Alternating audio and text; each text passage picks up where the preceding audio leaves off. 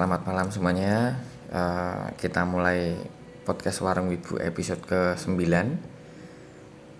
Podcast Warung Wibu ini biasanya kan ngobrol santai perwibuan bareng Andri sama Dibu ya. Cuman ke malam ini lagi-lagi tanpa juragan Andri karena malam ini eh, spesial kita datang jauh-jauh ke Malang sebenarnya datangnya literally nggak jauh ya karena udah terlanjur di kota sebelah jadi kita mampir ke Malang kita mau ngobrol-ngobrol dengan seseorang tentang sesuatu jadi saat ini kita lagi ada di studionya uh, Red Visual Ya, Red Visual Works. Red Visual Works Hmm. dan itu tadi yang ngomong adalah Mas Alan Halo. halo halo Halo Jadi para langsung pendengar. kenalan aja nih mas Mas Alan ini Tadi kan aku sempat nanya ya Ini enaknya diperkenalkan sebagai apa gitu Hmm.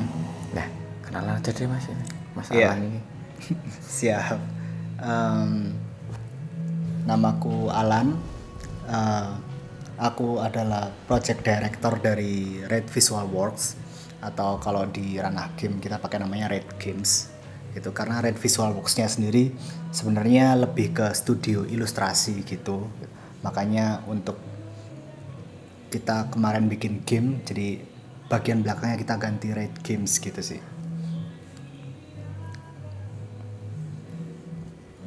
Udah gitu aja. Tak kira panjang gitu. Ini mungkin masih belum ini ya mas ya. Masih kagu ya jadi. Oh, Oke. oh, kurang kurang minum ya iya oke Minuman panasnya belum ada nih mas iya Eh, ini mengingat kita sebenarnya udah menginjak pagi hari ya ini Hmm. menginjak pagi hari dan Mas Alan besok kebetulan harus flight ke negara sebelah gitu Iya. Jadi ini sebenarnya emang ngerjain aja sih gitu. Hmm. biar lembur gitu Heeh. jadi ini walaupun flightnya pagi lagi ini walaupun lembur ini eh, di sini masih ada beberapa orang masih ada yang nonton anime ada yang kayaknya ngecat bojone ya gitu iya Oh mau transfer, makasih mas. Jadi masih eh, studio masih suasananya masih hidup gitu sih, walaupun sudah menginjak pagi. Eh kebetulan ini eh, studio di Malang ya mas. Hmm. Ya ini juga sangat terasa dingin, apalagi habis hujan. sendu ya Enggak saya enggak enggak enggak sahabat hujan mas. saya berarti pas sedih ya. Eh langsung tak kasih pertanyaan ya mas. oke siap. Mending Nah. gitu aja sih mas. Red Studio ini fokusnya ngerjain apa sih mas? kita sebenarnya studio yang basicnya mengerjakan ilustrasi. Ilustrasi apa aja. Jadi eh, sebagian besar sih ilustrasi yang kita kerjakan merupakan aset-aset dari game. Aset game kayak misalkan kita bikin artwork promosional artworknya terus kita bikin misalkan button ataupun aset tools tools misalkan kayak misalkan eh, di UI. RPG UI ya eh, UI juga tapi kita jarang terima UI lebih ke kayak misalkan kayak desain karakter gitu kan. Ada desain karakternya terus biasanya kan ada item-item yang harus dia gunakan gitu kan. Misal pedang terus shieldnya terus jubahnya atau apanya. Nah kita ngerjakan bagian-bagian itunya gitu. Termasuk misalkan sprite gitu. Kebanyakan sih yang berhubungan dengan game gitu. Baru yang kedua yang kita kerjakan adalah komik. Dan bisa dibilang em, ya 99% klien kita sebenarnya dari luar negeri kayak gitu. Dan ini studio ini sendiri mungkin sekedar informasi aja udah berjalan hampir empat tahun sih Alhamdulillah. ya dan eh, memang talent-talent yang di sini tuh memang dari daerah Malang sendiri atau gimana mas? kebanyakan sih kebanyakan dari Malang gitu meskipun sempet kita ada yang dari Batam ada yang dari Bandung gitu Pemberdayaan lokal ya mas? kebanyakan anak-anak sini sendiri Mungkin Kenapa? karena Eh, kenapa milihnya anak-anak Malang? karena mungkin ya jujur aja yang paling nomor satu deket ya gitu. Deket gitu terus ya orang kan pasti lebih nyaman cari kerjaan yang dekat sama rumah gitu kan ya yang apply terutama gitu. Terus yang kedua sih mungkin saya percaya bahwa memang orang Malang dasarnya kreatif kreatif gitu loh. Soalnya saya sendiri juga lulusan kampus ini gitu dan tahu cukup banyak talent di sekitar kita yang butuh wadah lah kasarannya gitu untuk improve dirinya sendiri-sendiri gitu sih Oke. Tadi aku sempat dengar ada satu dua kata yang kurang awam. Misalnya kayak tadi Sprite gitu. Ini yang jelas kan bukan minuman ya. Eh, bukan bukan Eh, bukan nah. yang itu Itu bisa sedikit di, lebih dijelaskan gitu. Sprite itu apa ya Eh, kurang lebih adalah kumpulan motion dari karakter jadi kumpul- kumpulan aset yang membentuk motion dari karakter yang untuk kemudian diaplikasikan ke dalam game itu sendiri gitu jadi misalkan ada orang jalan gitu ya eh, karakter yang kita bikin tuh baik 3D maupun 2D gitu digambarkan sedang berjalan gitu ya. Jadi kita gambar satu persatu motionnya atau gerakan dari itu. Misalkan kayak kaki kanan yang maju berarti pasangannya tangan kiri maju itu kan membentuk kayak visual gambar orang sedang berlari gitu kan. Gitu. Kurang lebih sprite-nya seperti itu. Berarti inti intinya Sprite itu keluarnya out, outputnya sebagai animasi atau gambar diam gitu. bisa jadi animasi bisa jadi bisa gambar diam yang merupakan acuan dari hmm, apa ya namanya jadi kayak semacam acuan karakter gitu loh Ah, oke. karakter guide gitu jadi kalau misalnya Oh. karakter dari depan gimana Ya. belakang gimana ketika dia pose A pose B pose C gitu itu kayak Terus gimana kalau lompat gimana, jalan Ah, gimana, gitu. mengayunkan pedang gimana gitu misalnya. kayak Oh, gitu. oke oke paham paham. Dep- dia kalau misalkan ngadep ke depan kayak gimana ngadep ke belakang kayak gimana kayak gitu sih Untuk briefnya itu berasal dari klien atau dibikin di sini juga? Oh. Brief karakternya gitu. Ya, jelas dari klien sih ya. Nggak mungkin Oh, kita tiba-tiba bikin karakter sendiri klien nggak ngasih brief apa-apa gitu. Baru nanti setelah ada brief dari klien kita yang mengelola visualnya gitu. Termasuk di situ ada proses eh, diskusi ya. Jadi sebaiknya yang kayak gimana. Di situ ada proses kreatifnya juga. Kita kayak mm, ngobrol gitulah sama klien. Sharing gitu. Ini sebaiknya karakter dengan sifat-sifat seperti A, B, C dan D ini dibikin kayak gimana gitu baik dari kostum maupun ekspresinya ataupun bentuk tubuh ataupun ya karakterisasi pose-posenya mereka gitu itu yang bisa disesuaikan gitu Oke. Kayaknya cukup cukup memberi gambaran ya. ya Nah, ini kan biasanya nerima kerjaan yang part of game tapi dari luar gitu ya, Mas. Terus dengar-dengar kan punya game sendiri nih. Hmm benar banget Boleh diceritain Mas gitu? Eh, oh, nggak boleh. nggak Silakan, boleh boleh, silakan, nggak boleh. jangan jangan jangan jangan rahasia kita saja Oh, gamenya rahasia ya. Jadi kita barusan uh, launching game project personal kita sendiri yaitu Love Convention. Yeay. Tepuk tangan sendiri saya. Bantuin dong tepuk tangannya. eh, eh, nah, tepuk tangan. Bayaran telat loh.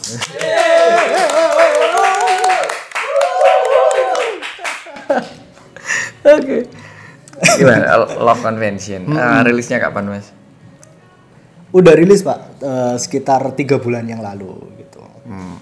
Dan sebentar lagi bakalan menyentuh 50.000 download di Play Store. Yeay.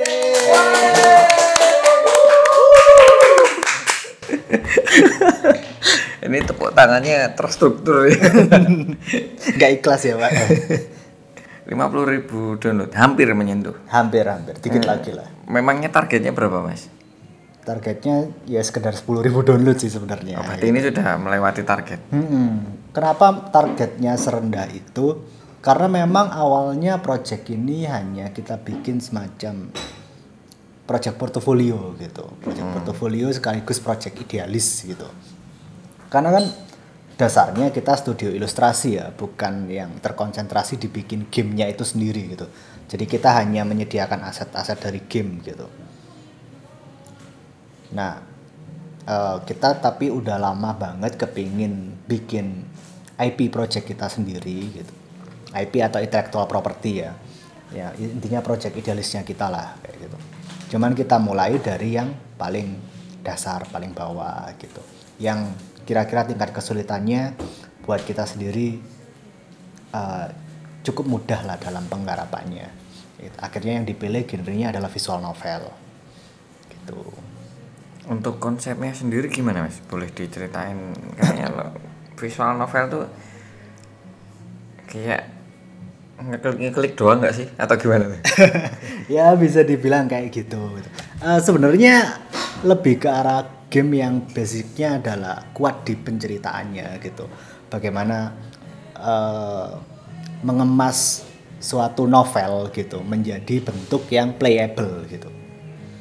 Kasarannya kalau eh, misalkan kita suka baca novel A, B dan C, cuman kayak Harry Potter gitu ya contoh ya. Tapi kan eh, kadang ada orang yang preferensinya kurang bisa menikmati kalau nggak ada visualnya gitu kan. Makanya ada genre visual novel ini di mana kita main kita seperti membaca sekaligus ditemani dengan visual berupa artwork artwork gitu. Terus biasanya sih ada beberapa macam plot yang bisa atau rute yang bisa kita pilih sesuai dengan pilihan-pilihan di dalamnya gitu.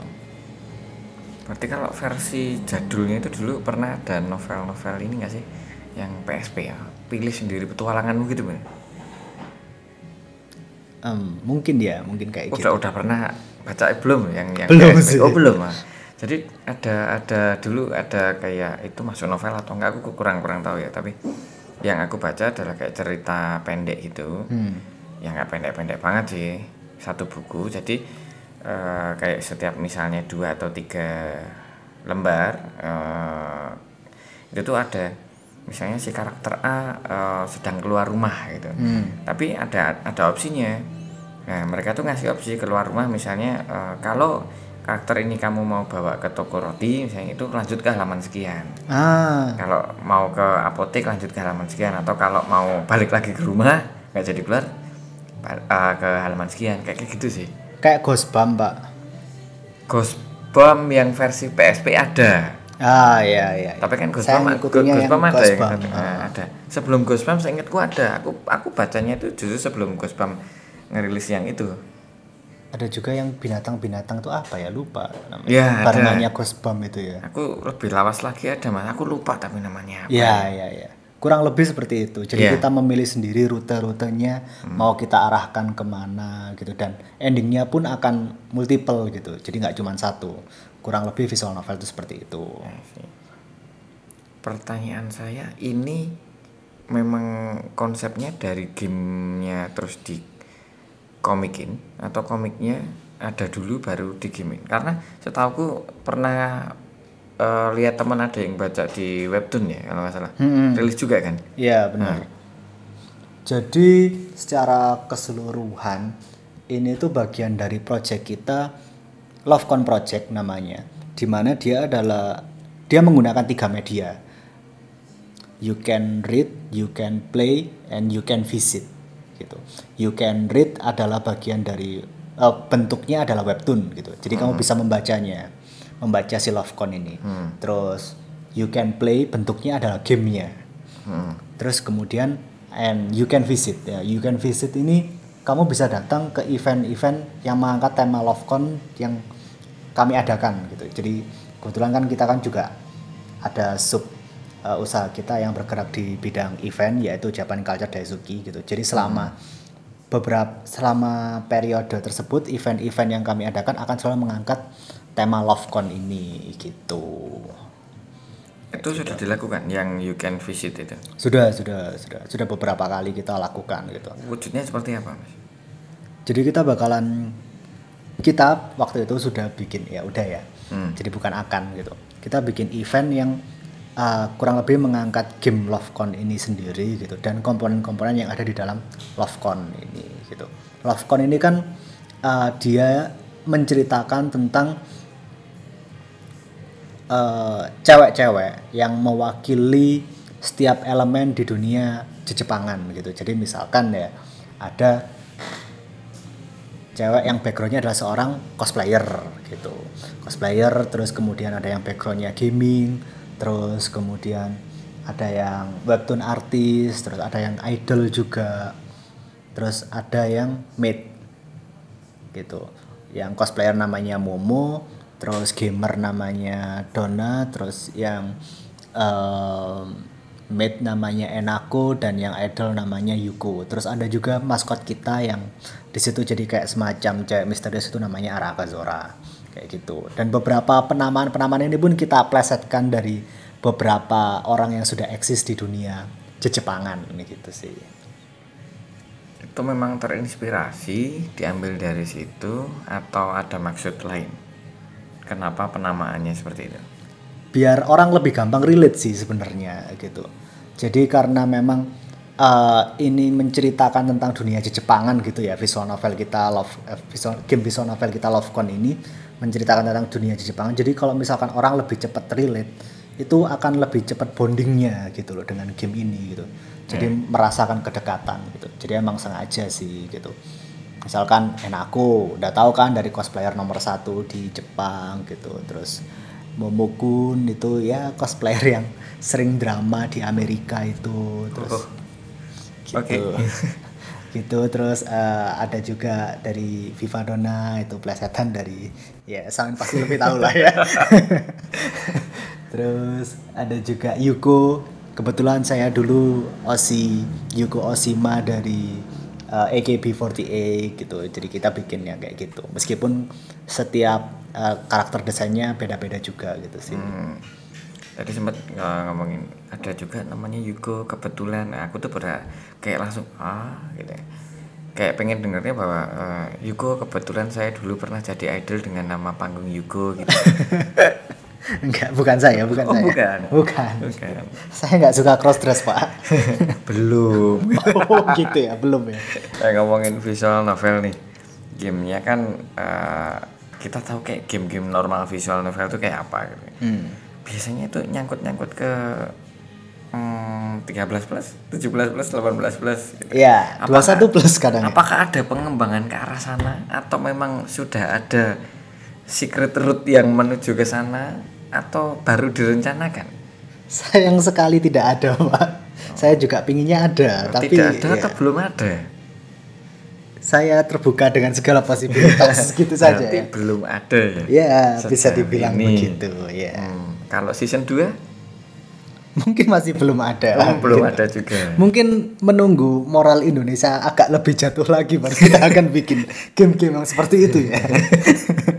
season 2 apakah ada chance ya Lovecon 2 gitu? Ya, pasti, pasti. Pasti. Pasti ada. Oh, yang itu yang pasti cuman baru season 2-nya ya. Hmm. Cuman untuk pengembangan DLC mungkin Pak gitu. Waduh, itu sepertinya kalau DLC-nya yang mengarah ke sana itu ya menarik ya menarik menarik sebenarnya menarik tapi mungkin di kalangan terbatas saja ya takut nggak bisa dipertanggungjawabkan gitu Pak Dio ya, misalnya uh, kebanyakan dari pemain uh, terus tahu-tahu komen di Google Play hmm. atau komen di fanpage ada. Oh banyak banget. Nah ketika ya, ada terus mereka request nih ada nih jangan cuman 3 plus tapi 13 plus dong gitu. Kalau sampai ada yang komen minta banyak itu apakah tetap pada pendirian semula? Uh, tetap sih mungkin sih. Karena kita lebih paham resikonya daripada menuruti demandnya ya gitu karena bagaimanapun juga kan pasarnya kan masih di Indonesia ya yang ya tidak cukup kondusif lah untuk konsep-konsep yang seperti itu dan lagian kita juga mungkin masih ada tanggung jawab moral yang lebih besar gitu. Hmm. Mungkin kita bakalan fokus ke bikin game yang menyenangkan daripada game yang menyarukan. Menyarukan benar sekali bahwa. Oke, okay. Uh, eh, soal saru menyaru kita tutup saja ya. Iya iya. Uh, apakah ada rencana game yang lain bukan light novel misalnya?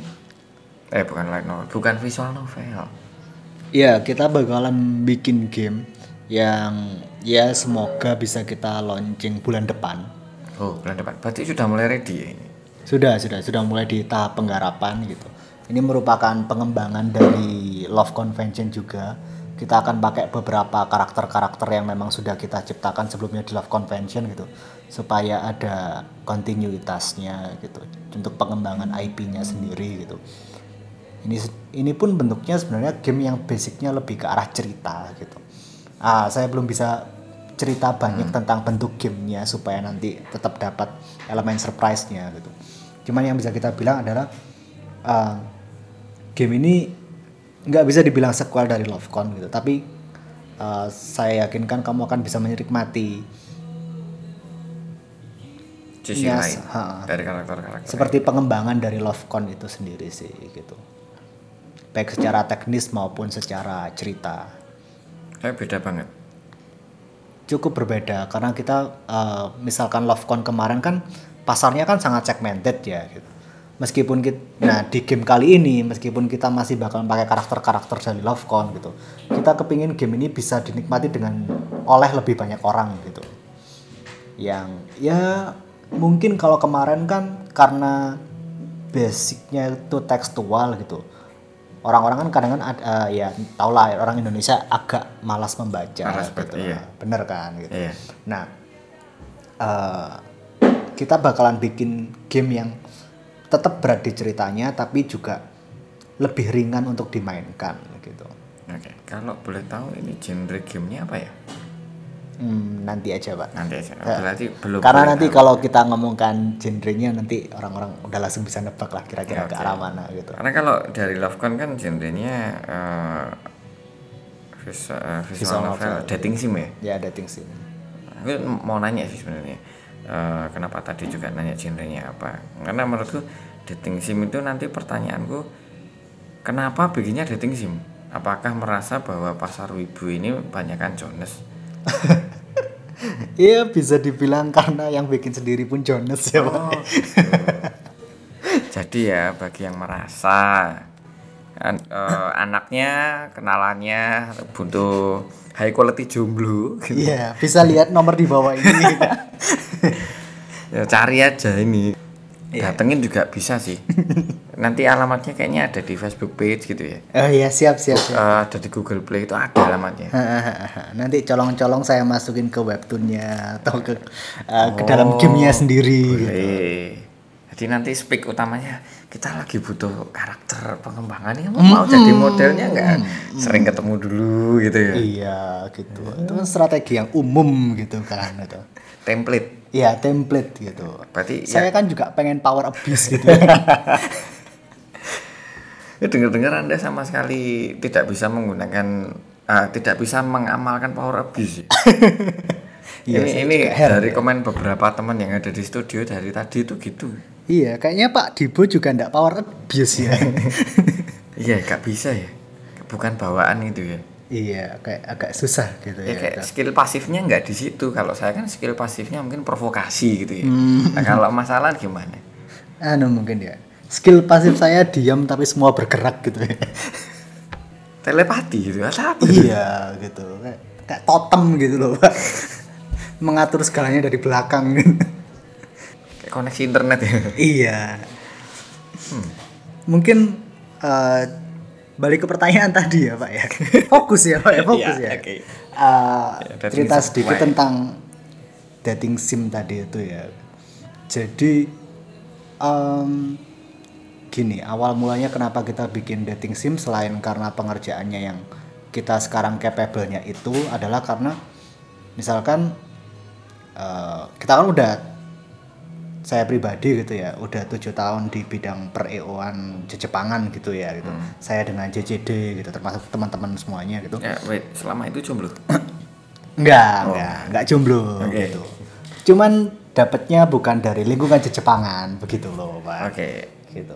Kadang itu kayak ada pertanyaan semacam gimana sih rasanya pacaran sama cosplayer? gitu. Atau gimana sih rasanya pacaran sama eh, game ambassador gitu. Eh, e-sport ambassador gitu itu kayak. Atau mungkin juga sama idol atau sama maid gitu kan. Gimana sih rasanya berpacaran dengan cewek-cewek ini gitu? Itu kan salah satu apa ya bisa dibilang fantasi dasarnya wibu cowok gitu loh pak. Wah, berarti saya bukan wibu ya. Saya nggak punya kayak gitu ya biasa waduh. Iya pak bapak Oh, aneh ini berarti masalah ada? Ada pertanyaan-pertanyaan seperti itu? Pastilah pasti pasti Oh, gitu. ada. ini jujur aja. berarti wibu.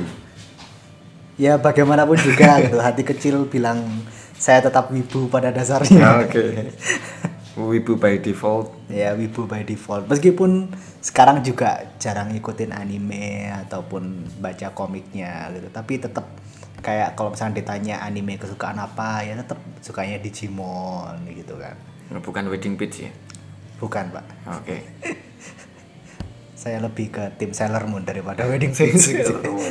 Ya, siapa tahu kan Magic Knight Riot ya ya ya ya terus kalau lagi itu ya? Mungkin ya. anu zamannya Mas Dibu ya kalau saya masih Digimon gitu nggak sempat nonton Magic Knight Riot saya kan ada DVD-nya pak. Rentalan zaman dulu kan ada. Tolong lah sekarang zamannya Netflix masa Magic Knight Riot nggak ada? Nggak ada saya. Ada emang nggak nggak ada.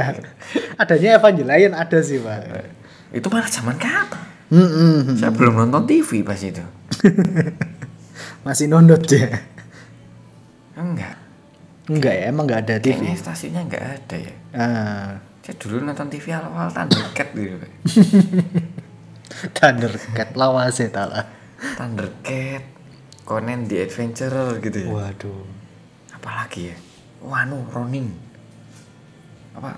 Ronin Warrior. Waduh kok saya nggak tahu itu pak? Mungkin saya belum lahir itu ya. Jasit. Pak Dibu selalu keduluan. Ya. selalu lebih dulu. Selangkah di depan pak. Cuman selangkah. Wes masih kembali kembali ke Red Studio. Ya Eh, Red Studio kan kesibukannya bikin kayak tadi eh, ilustrasi bla bla Iya. bikin event bla, eh bikin event bikin games. Terus soal event tadi kan sempat disinggung-singgung gitu. Hmm. boleh cerita dikit itu awalnya gimana? Ada eventnya dulu baru bikin studio atau event dulu eh, event dulu studio atau studio dulu atau gimana?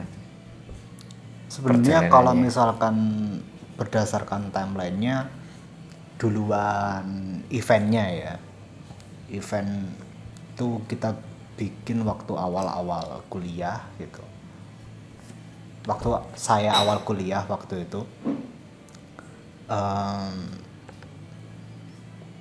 terus kemudian beberapa waktu semester 5 6 saya mulai serius di kerjaan sendiri. Jadi event itu dulu itu lebih ke organisasi yang terpisah gitu. Terus saya jalan kerjaan sendiri di bidang ilustrasi. Terus kemudian baru akhir-akhir kuliah kita membuat eventnya menjadi organisasi yang lebih serius gitu, yang memang jadi usaha gitu kan ya, usaha serius gitu.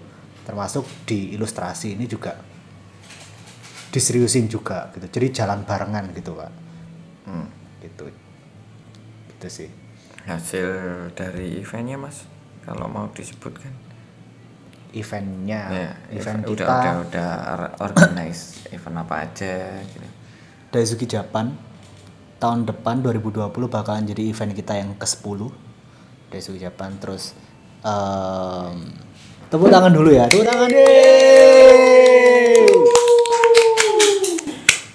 terus Utsuru sudah akan ketujuh. Lalu juga kita sempat bikin event di Surabaya juga. GP Daisuki dua kali terus sempat bikin Jazz Fair juga terus ada beberapa kecil acara kecil-kecil juga gitu kayak Daisuki Wibu Party gitu-gitu itu. dan dulu-dulu sempat bikin semacam comic market gitu di Malang namanya Comic Camp. Kita bikin dua kali gitu gitu sih. Komik Camp udah lama nggak denger nih memang disuntik mati atau divakumkan atau bagaimana? Disuntik mati pak. Suntik mati? Why? Em, jadi ada kerjasama dengan pihak lain gitu yang mending kalau misalkan beliau tidak mengadakan tidak bermin- berniat mengadakan saya pun juga tidak akan mengadakan comic camp itu oh berarti Komik Camp itu hasil produk istilahnya joinan gitu ya Hmm, Hmm, oke oke see. Jadi kalau memang tidak dikerjakan berdua ya iya ya sementara tidak usah dilanjutkan dulu sampai dengan iya sampai dengan tahu-tahu kepingin gitu. Hmm, gitu. Karena memang iklim kreatif di bidang komik kalau di Malang lebih susah dibikin gitu untuk mencapai titik profit tertentu gitu kan.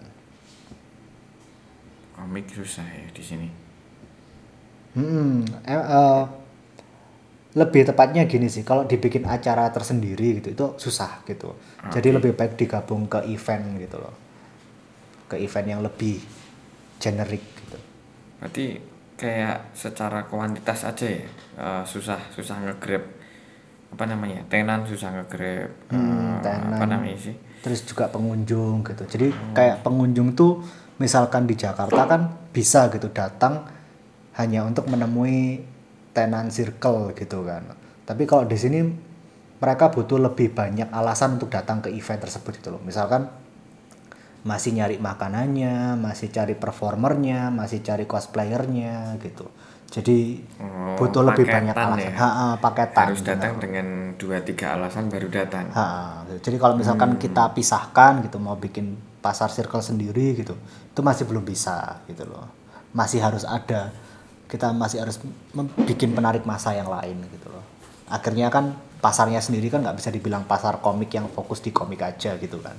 Oke, berarti ini kan menjadi validasi. Eh, ini bisa dijadikan validasi karena ada event yang lainnya yang seperti itu. Dan pengunjungnya cukup oke. Ya enggak? Maksudnya gimana? Eh, Uh, apakah ada event dengan komik aja yang oke Ya. gitu? eh, dirimu bisa ngomong kayak gitu karena punya event lain kan? Maksudnya event lain yang pengun- pengunjungnya, cu- pengunjungnya cukup oke. Yang datang dengan dua tiga alasan gitu. Ya, dan benar. kebetulan punya gitu. Di alasan di, di event itu lengkap gitu. Iya benar. Gitu sih. Oh, oke. Oh kita juga sempat bikin acara idol sendiri soalnya pak. Acara idol. Ha, namanya Idol Beats. Itu kita adakan cuma satu kali, tapi itu bisa dibilang event kita yang paling sepi gitu. Karena di situ hanya khusus idol gitu loh. Bentuknya kayak apa? Jadi waktu itu uh, semacam kompetisi dance gitu dan kita ngundang beberapa band yang dikhususkan membawakan lagu-lagu idol gitu.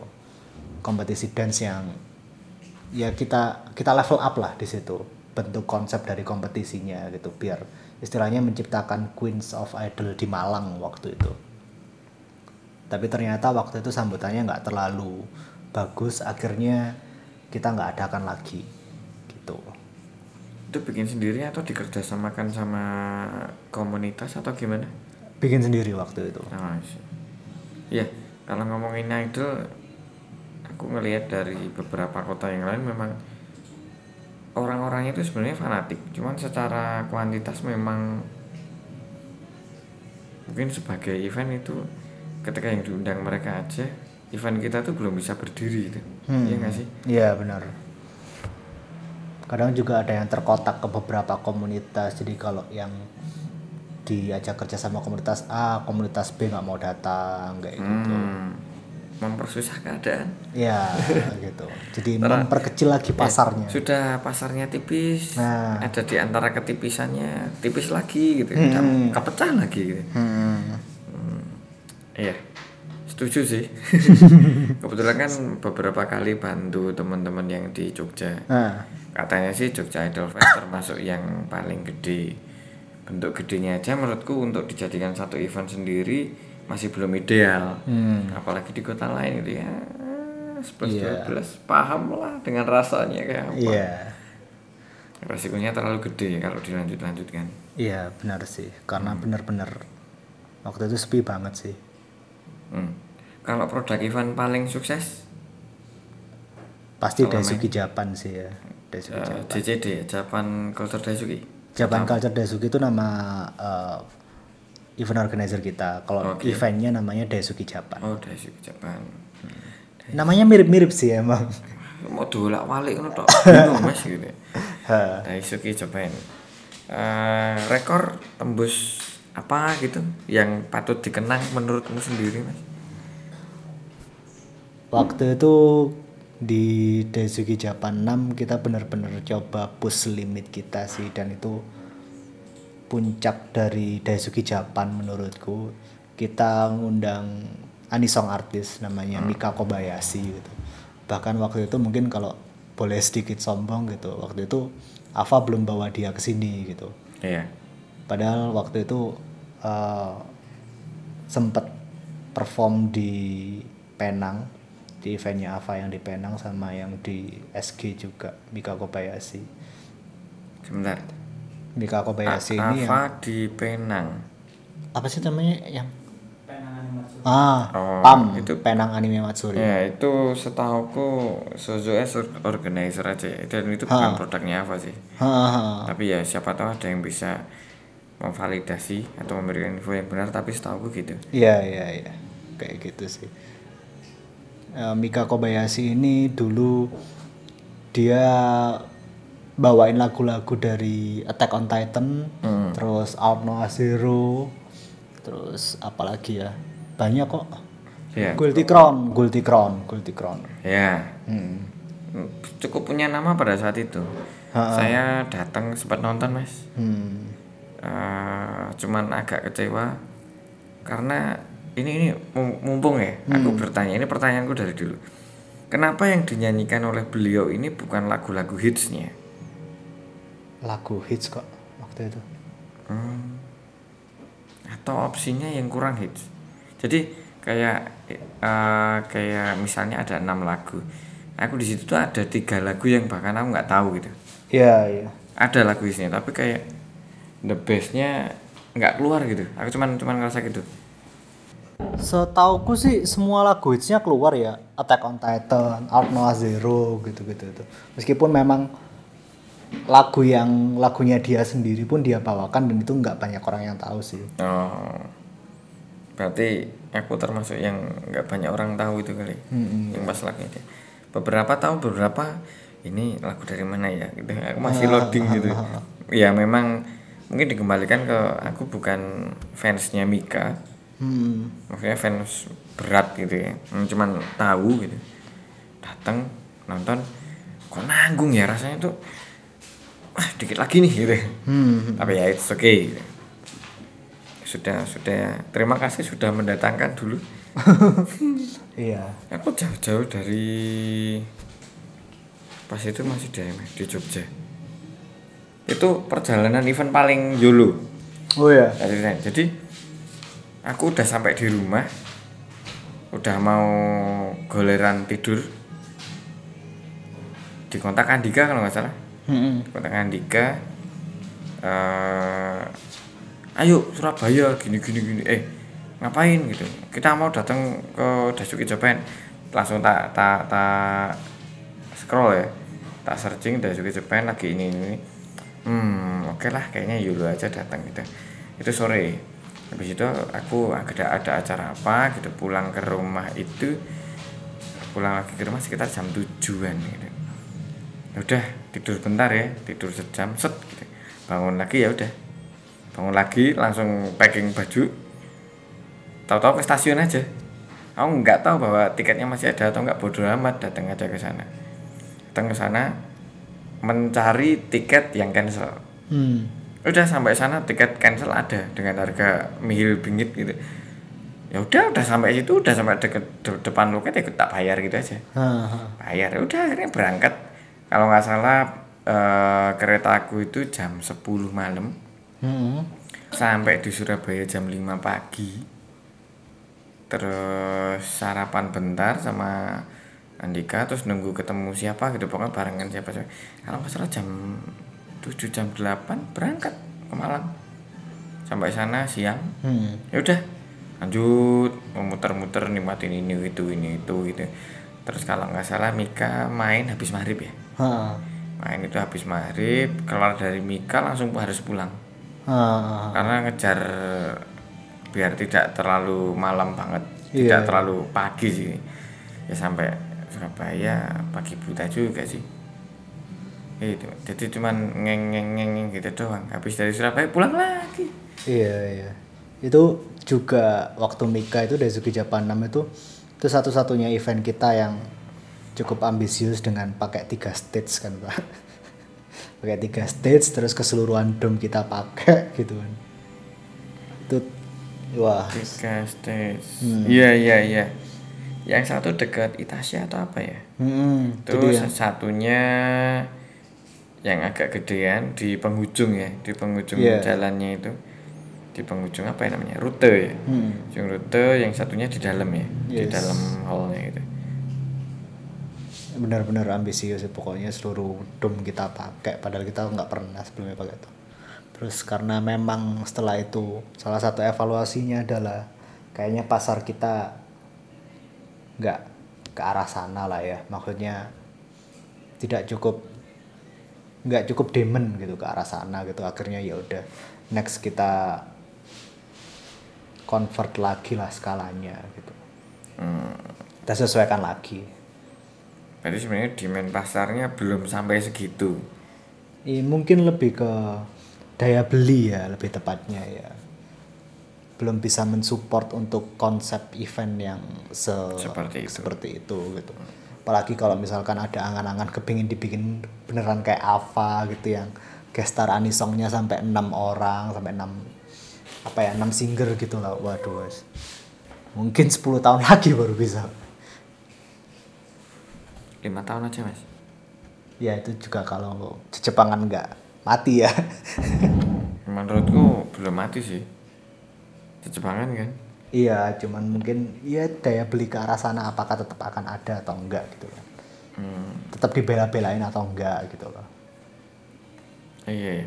kayak makin ke sini kan event itu akhirnya sekarang cuma dijadikan ajang gathering Hmm, bener. karena kayak semua pembelian semua apa ya semua media yang diinginkan itu sudah kembali ke internet ya Hmm, sudah tinggal buka laptop sendiri sudah pakai HP sendiri gitu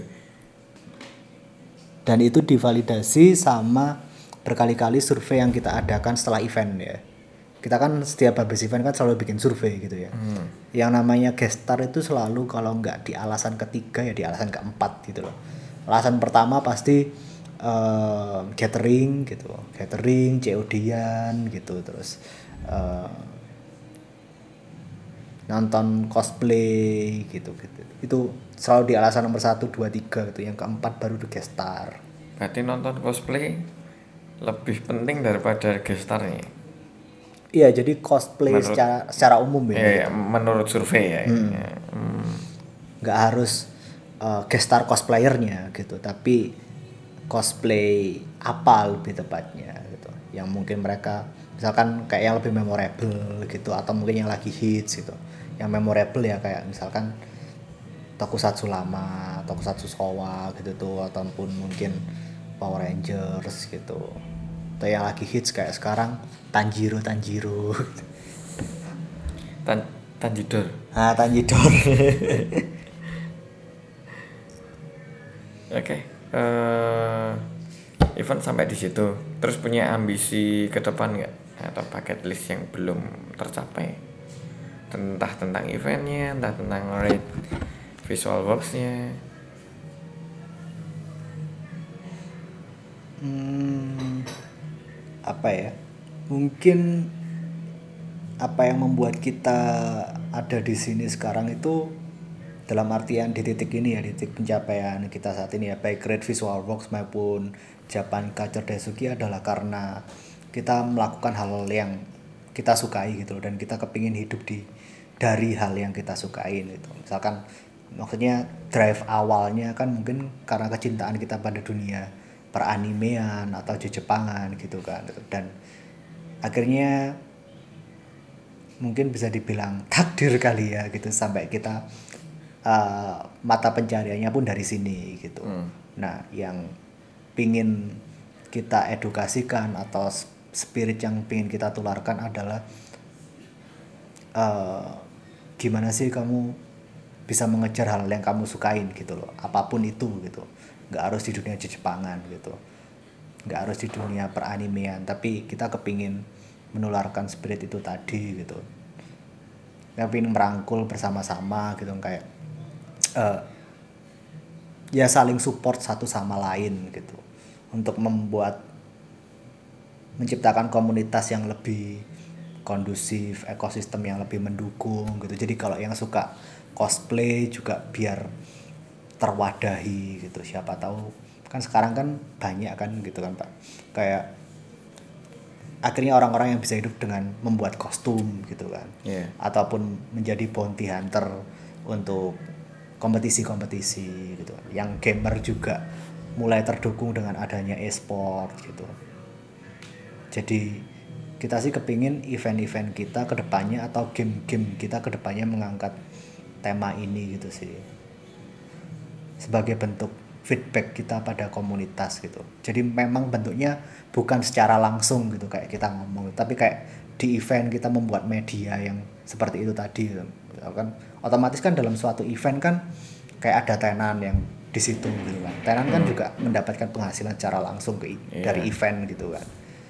Dari pengunjung yang datang terus juga uh, ada pengunjung yang bisa mensupport cosplayer-cosplayer favorit mereka gitu kan. Entah dengan membeli merchandise favoritnya atau menjadi dengan Patreon gitu. Jadi ke depannya kita kepingin membuat karya-karya yang bisa memfasilitasin itu semua sih. gitu. Hmm. Tadi aku berapa kali mendengar kata wadah. Itu memang eh, sedemikiannya pengen menjadi wadah untuk ekosistem atau ada filosofi sendiri yang yang kayak dipegang sampai saat ini gitu. Cerita tentang wadah tadi. Dari awal sampai akhir aku dengar kata itu terus ya. Hmm, mungkin ya. Ini aku nggak tahu apakah cukup berhubungan atau enggak gitu. Tapi aku pengen menciptakan komponen-komponen yang saling mendukung untuk menciptakan iklim ini tadi itu sih. Nah komponen-komponen ini kayak dari aku pribadi itu kayak bikin kerajaan gitu loh mas. Jadi kayak bikin ibu kota sendiri di dunia Jepangan gitu. ibu kota sendiri untuk dunia Jepangan yang jauh dari real ibu kotanya gitu Hmm. secara negaranya ini Iya. Lebih ke filosofisnya gitu sih. gitu. Karena memang ya itu tadi kalau dari aku pribadi aku pengen hidup dari hal yang aku cintain gitu kan. Ya, Kayak gitu. berarti kayak Akibahara ya yang akhirnya menjadi tanah suci dibandingkan Tokyo-nya Ya, Jenis itu. mungkin seperti Hmm, itu oke. gitu. kita nantikan ya mas Siapa? semoga terwujud Nah, kita Ya. kita nggak perlu nyumbang di kita bisa kan untuk Enggak perlu, Pak. Yang penting kan supportnya. Ya bisa lah minta supportnya Pak Dibu juga.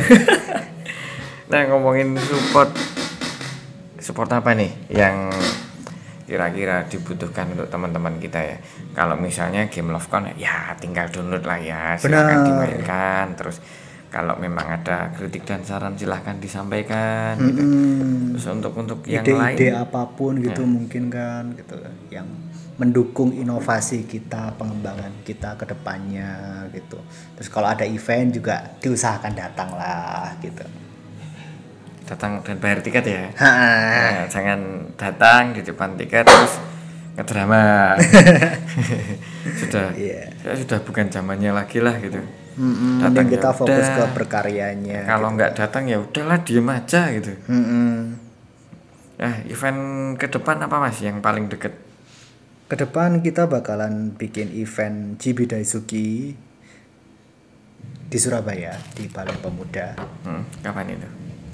Tanggalnya bentar pak. Lupa. Tanggal 22 Desember. Eh, satu hari aja ya satu hari aja 22 minggu ya? Mm-mm. oke dua minggu 22 di Balai Pemuda Surabaya event Cibidasuki program unggulan apa ini? Nah itu tadi sesuai yang kita bilang tadi demi membentuk ekosistem tadi itu visinya salah satunya. Ini cita-cita kita eh, dari lama sebenarnya. Kita bakalan bikin cosplay market. Cosplay market ini apa ya? Bayangin aja dia itu kayak komik market tapi untuk cosplay gitu di ranah cosplay. Dan nggak terbatas cuman pada cosplayer aja gitu. Tapi juga buat kameko atau fotografer cosplay gitu. Mungkin wig stylist mungkin makeup artist eh, cosmaker gitu. Dan otomatis lah ya cosplayer cosplayer idol yang kayak apa ya bisa gitu loh kamu bikin meet and greet sendiri di sana tanpa nunggu harus jadi guest star event dulu gitu loh. Di situ adalah eh, wadah gitu ya sekali lagi untuk kamu mempromosikan dirimu mencari eh, networking atau mencari eh, ya memperluas expand networking kayak gitu. Ya jadi mempertemukan komponen-komponennya ya? Benar banget gitu. Juga di situ kan kita kan bisa mengedukasi secara langsung para calon-calon next gen cosplayer gitu kan. Ataupun juga misalkan cosmaker ya bisa memperlihatkan portofolio kostum-kostumnya dia yang udah dia bikin gitu ini loh aku capable bikin kayak gini gitu. Terus ketemu sama cosplayer yang sebelumnya belum kenal dia akhirnya karena tahu kualitasnya bagus oh ya udah aku tak pakai jasanya dia gitu. Ataupun juga fotografer-fotografer gitu yang bisa akhirnya kerjasama sama cosplayer cosplayer tadi kan itu. Misalkan uh, bootnya sebelahan mereka jadi bisa ngobrol terus kemudian tukeran kontak terus bisa melakukan ko- kolaborasi gitu. Harapan kita sih kita akan membentuk wadah dan ekosistem yang seperti itu. Jadi saling support lah satu sama lain gitu.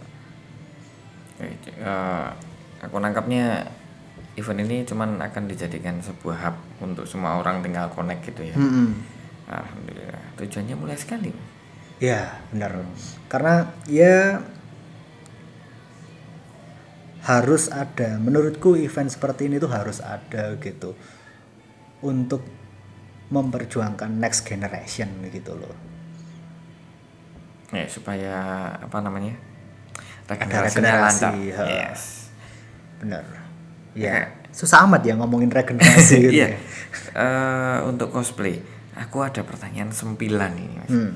ini mungkin berlaku untuk banyak kota di Indonesia.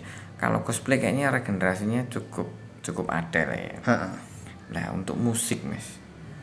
Hmm, kan ada beberapa kota yang memang udah dead mati gitu. Musiknya udah nggak ada. Aku dengar dengar kan juga salah satu programnya Cipidasuki juga ngangkat musik ya. Performer performernya adalah musik gitu gitu memang khusus untuk band gitu. Ya, bisa diceritain sedikit gitu Iya, mungkin kalau bandnya kita eh, nggak cukup mengangkat regenerasi memang gitu. Cuman kita ada konsep yang berbeda yaitu aku kepingin membawa iklim yang senang-senang gitu. Karena band itu beda lah ya feelnya sama DJ gitu. Yang sekarang lagi in kan DJ gitu kan gitu. Cuman kok aku ngelihat melihat dan terinspirasi sama tren belakangan ini tentang live music ya. Terutama yang ada di kafe-kafe semacam kayak Holy Wings gitu. Tuh generasi eh, izinkan aku. Ah bener banget. Izinkan aku. Malah nyanyi. Suara aku gak enak. Gitu. Jadi terinspirasi dari situ aku kepingin uh, ngajak band-band ini untuk uh, menyanyikan lagu-lagu yang orang-orang akrab gitu loh jadi uh, di sini aku berharap mengembalikan kesukaan atau ya kesukaan orang pada live music ataupun band gitu. Jadi di- dari situ dulu sih aku mulainya gitu. Benar-benar menciptakan suasana yang menyenangkan buat kita nyanyi bareng seneng-seneng gitu. Terus apalagi dengan lagu-lagu yang kita suka dan kita hafal gitu. Hmm, oke. Eh, cukup mantap sih harusnya komposisi dari eventnya ya. Yes. Harusnya. Semoga. harusnya. Ya berarti kita tinggal menunggu waktu, menunggu promosi dan menunggu siapa yang akan datang. Hmm. Eh, Jadi kalau yang nggak jauh-jauh dari Surabaya sebaiknya datang. Nanti ada masalah. ya iyalah. Eh, ada gestar unggulan nggak supaya tadi kan pada butuh dua tiga alasan ya. ya ada gestar unggulan nggak yang bakal di invite atau apalah gitu yang bisa membuat mereka lebih yakin buat datang. Semua gestar. Oh semua menjadi gestar. semua menjadi gestar Oke. gitu. Bagaimana ya itu mungkin spirit utama yang ingin kita bawa di GP Daisuki besok ini untuk membuat uh, para lokal akhirnya diangkat dengan proud gitu sih. Hmm, diangkat dengan cara yang benar atau menggestarkan diri sendiri nih Mas. Dua-duanya tidak masalah menurut saya.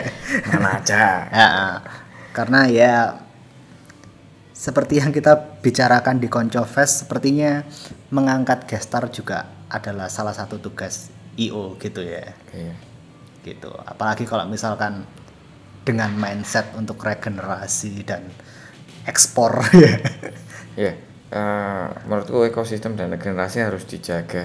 Di mana kalau posisi sebagai IO kan nyari makan di situ ya. hmm, Kalau akhirnya kalian sendiri IO IO sendiri itu juga yang akan membunuh ekosistemnya ya ngapain gitu. hmm bener Semoga didengar IO IO yang lain juga.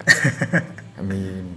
amin amin Ya Udah, eh, kayaknya kita sudahi eh, obrolan malam hari ini. Eh pagi hari ini sudah sangat pagi dan masalah hampir juga- jam 2 pak masalah juga harus segera beristirahat untuk eh, esok hari menuju event Wibu di negara sebelah. Oke, selamat malam semuanya. Salam dingin-dingin ini Selamat dari malam. Malang. Kalam guys. malam